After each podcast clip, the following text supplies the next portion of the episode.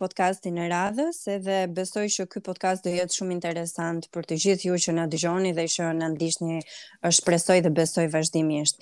Ne sot do flasim për një temë që kohët e fundit ka marrë një rëndësi shumë të veçantë dhe rëndësinë e duhur mendoj për për ne, po edhe edhe për gjithë shoqërinë, Sepse ne sot do flasim për një çështje e cila deri vonë apo deri në ditët e sotme ka qenë tabu për një pjesë të konsiderueshme konsiderueshme të shoqërisë për ta pranuar, diskutuar apo edhe për t'u përfshirë në çështjet e edukimit. Jo më kot unë sot kam zgjedhur një zonjë e cila është këshilltare për edukimin në Ministrinë e Arsimit në shtetin e Connecticut në Amerikë Për të parë këtë temë në një këndvështrim ndryshe dhe për të kuptuar se në fund të fundit ndryshimi fillon me edukimin. Unë do doja të prezantoja për ju Ada Kovaçin. Përshëndetje Ada. Përshëndetje Ada. Si je? shumë mirë. dhe besoj do do jemi të gjithë shumë mirë në momentin që do flasim për një temë që ka nevojë uh, gjithmonë për edukim edhe për mendime të ndryshme. Um, Ada, uh, Na fol pak për situatën. Domethënë kur flasim për edukimin dhe për çështjet që i përkasin uh, komunitetit LGBTI dhe mënyrës se si diskutohet ajo në institucione, sidomos kur flasim për institucionet e arsimit. Ti je shqiptare, pavarësisht se jeton në Amerikë. A shikon ti diferenca në mendësi në momentin që flasim për fenomene të tilla që në Shqipëri jo se nuk kanë ekzistuar, por për të cilat nuk është folur në fakt? Um, me forta më të forta me një nga gjërat, uh, një nga diskutimet që kam pasur këto kohët e fundit, uh, bërës para disa javësh, me një nga një nga psikologët që mua kam pasur mundësi që të punoj në fakt dhe që e respektoj shumë këtu mm -hmm. në mhm. Connecticut edhe uh, kjo ishte një nga muhabetet që po bënim për faktin që edhe këtu një nga gjërat që unë kam parë, sidomos në këto 10 vitet e fundit, është që komunitete të ndryshme kanë filluar që dhe duken akoma dhe më shumë në pah, kanë dalë në pah për mm -hmm. faktin që edhe nga lëvizjet që po bëjnë, por edhe fakti që gjenerata Z mm -hmm. është akoma dhe më e hapur se ndoshta çdo gjeneratë tjetër, unë për veten time i përkas uh, millennials, që vjen puna që është gjenerata më përpara, dhe kur vjen puna e kam parë, domethënë që ne ndoshta nuk jemi dhe aq dhe ne vetë, si mhm. gjeneratë mm -hmm. nuk jemi aq të hapur, sa që është gjenerata tjetër, dhe sidomos gjenerata para nesh, ose edhe ato më përpara.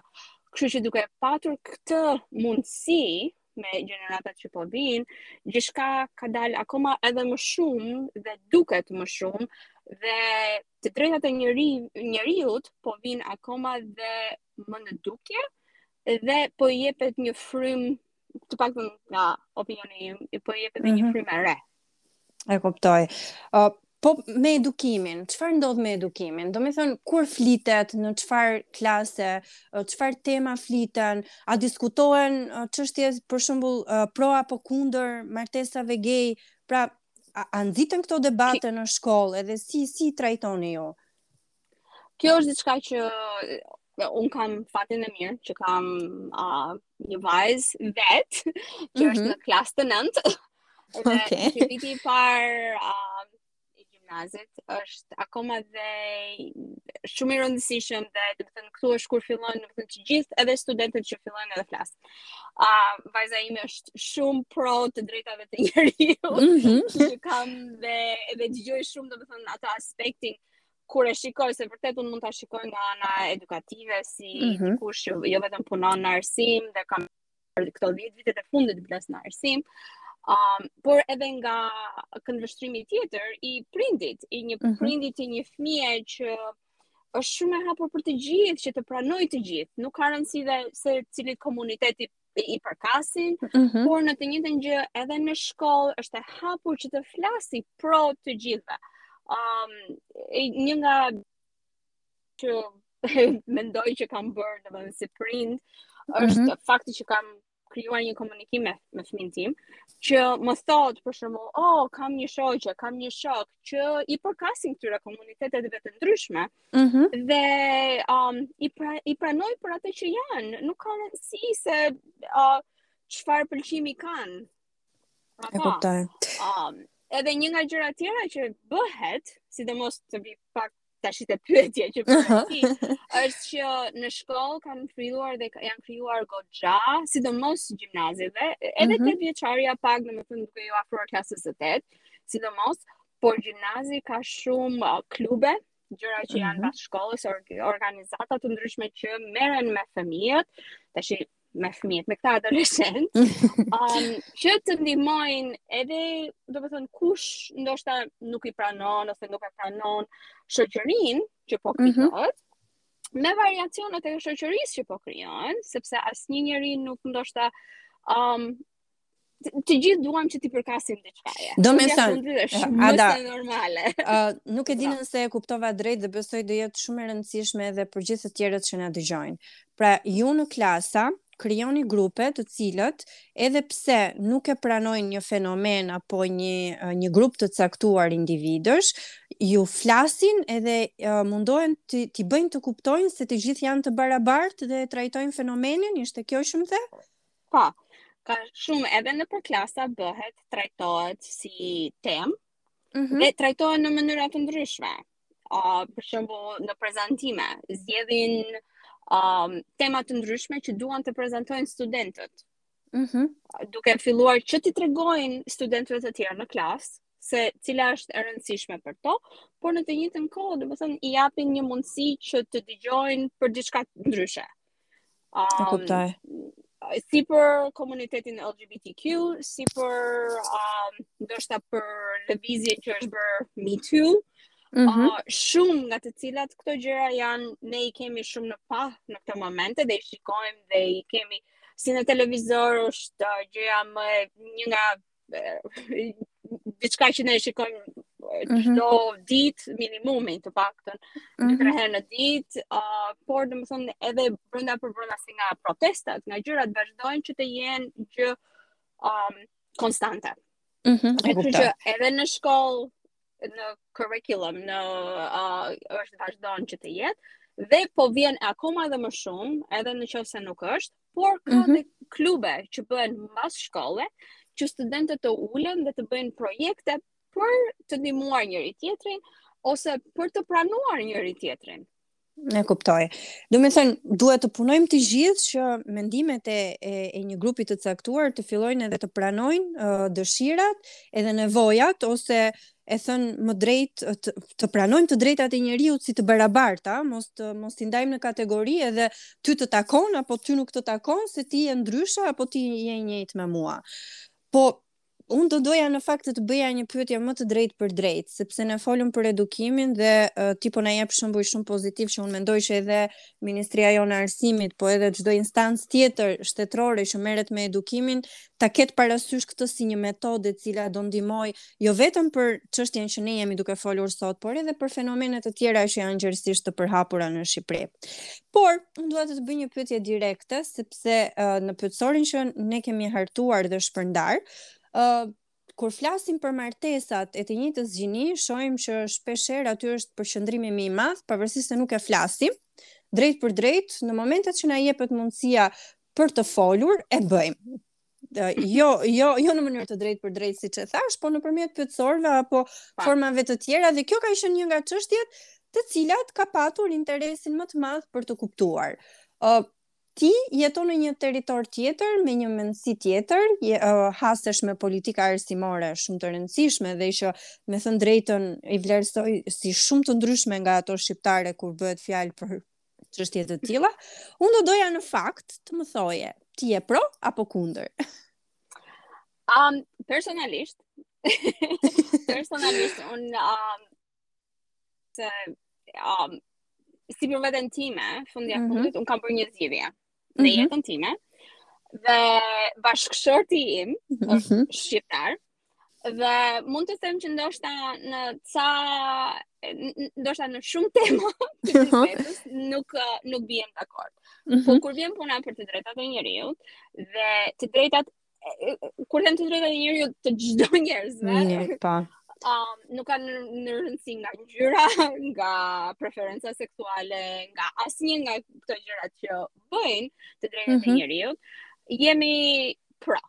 Kam mm -hmm. një shoqëri goxha të gjerë dhe që mund të them uh, disa nga njerëzit që unë i adhuroj për faktin sepse i, i shikoj domethënë dhe si në anën familjare, um, janë um, të martuar në të brenda të njëjtit seks, mm -hmm. dhe i shikoj që a, në ca raste mendoj se ashtu siç po e rrisim ne unë dhe Toni fëmijën tonë, uh, ata i rrisin kalamajt më mirë, dhe i edukojnë më mirë.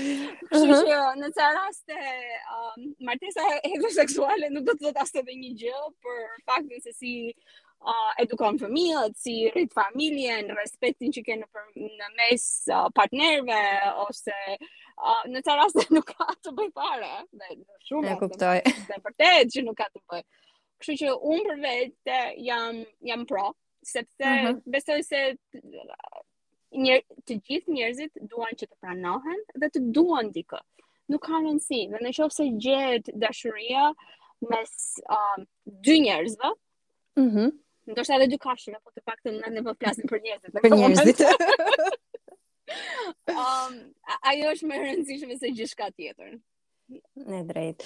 Uh, a ke ti një këshillë për njerëzit të cilët për ata që e shikojnë me dyshim dhe normalisht që kjo është një temë që për Shqipërinë ka qenë tabu edhe uh, shpeshherë edhe këto diskutimet pro apo kundër martesave të të njëjtit seks, normalisht që do ketë diskutime dhe qëndrime se jemi në një vend demokratik dhe normalisht që gjithsecili do ketë një grup të kënaqur edhe një grup të pakënaqur, por gjithsesi do flitet edhe do gjenden zgjidhjet më të mira për gjithsecilin nga ne, a? se fillimisht duhet të nxitim të menduarin kritik edhe ta përqasim atë me të drejtat e njeriut, nuk ka gjëra të ndara me thikë.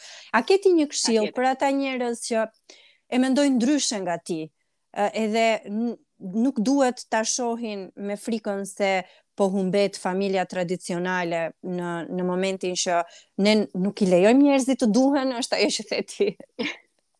Um, këshilla që unë do kem është që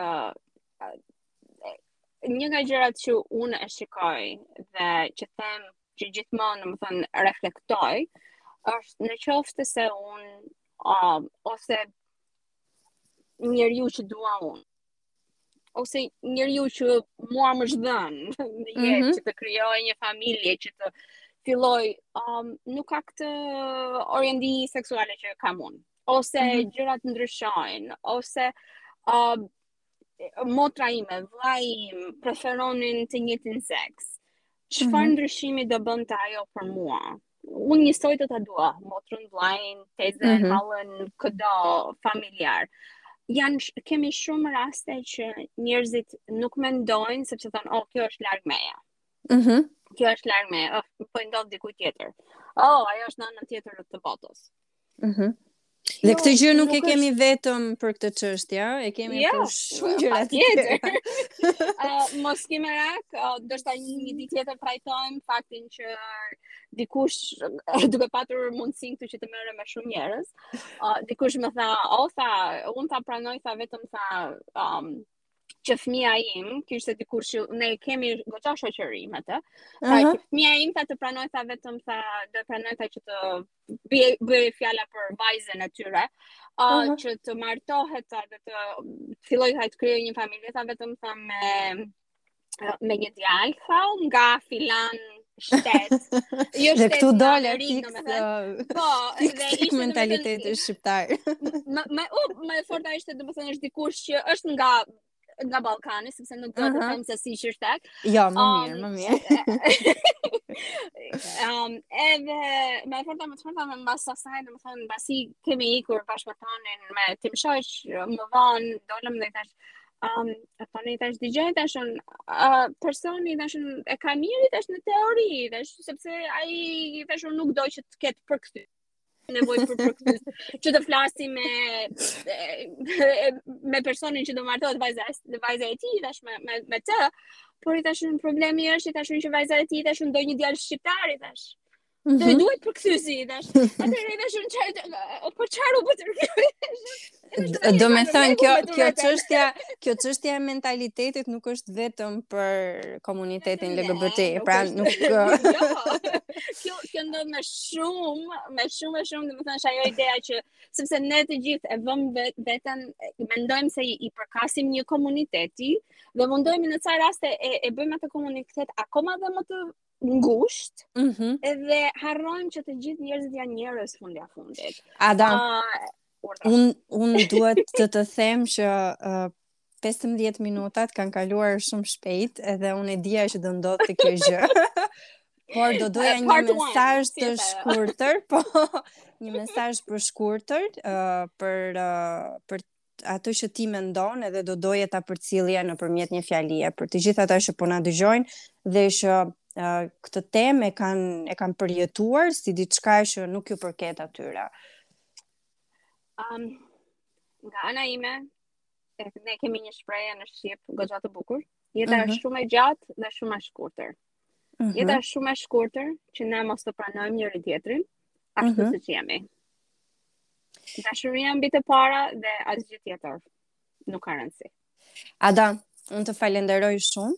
Për mua ishte kënaqësi dhe besoj për të gjithë dëgjuesit, të cilët do ta dëgjojnë këtë podcast dhe jam shumë e sigurt që do fillojnë të reflektojnë për qëndrimet e tyre.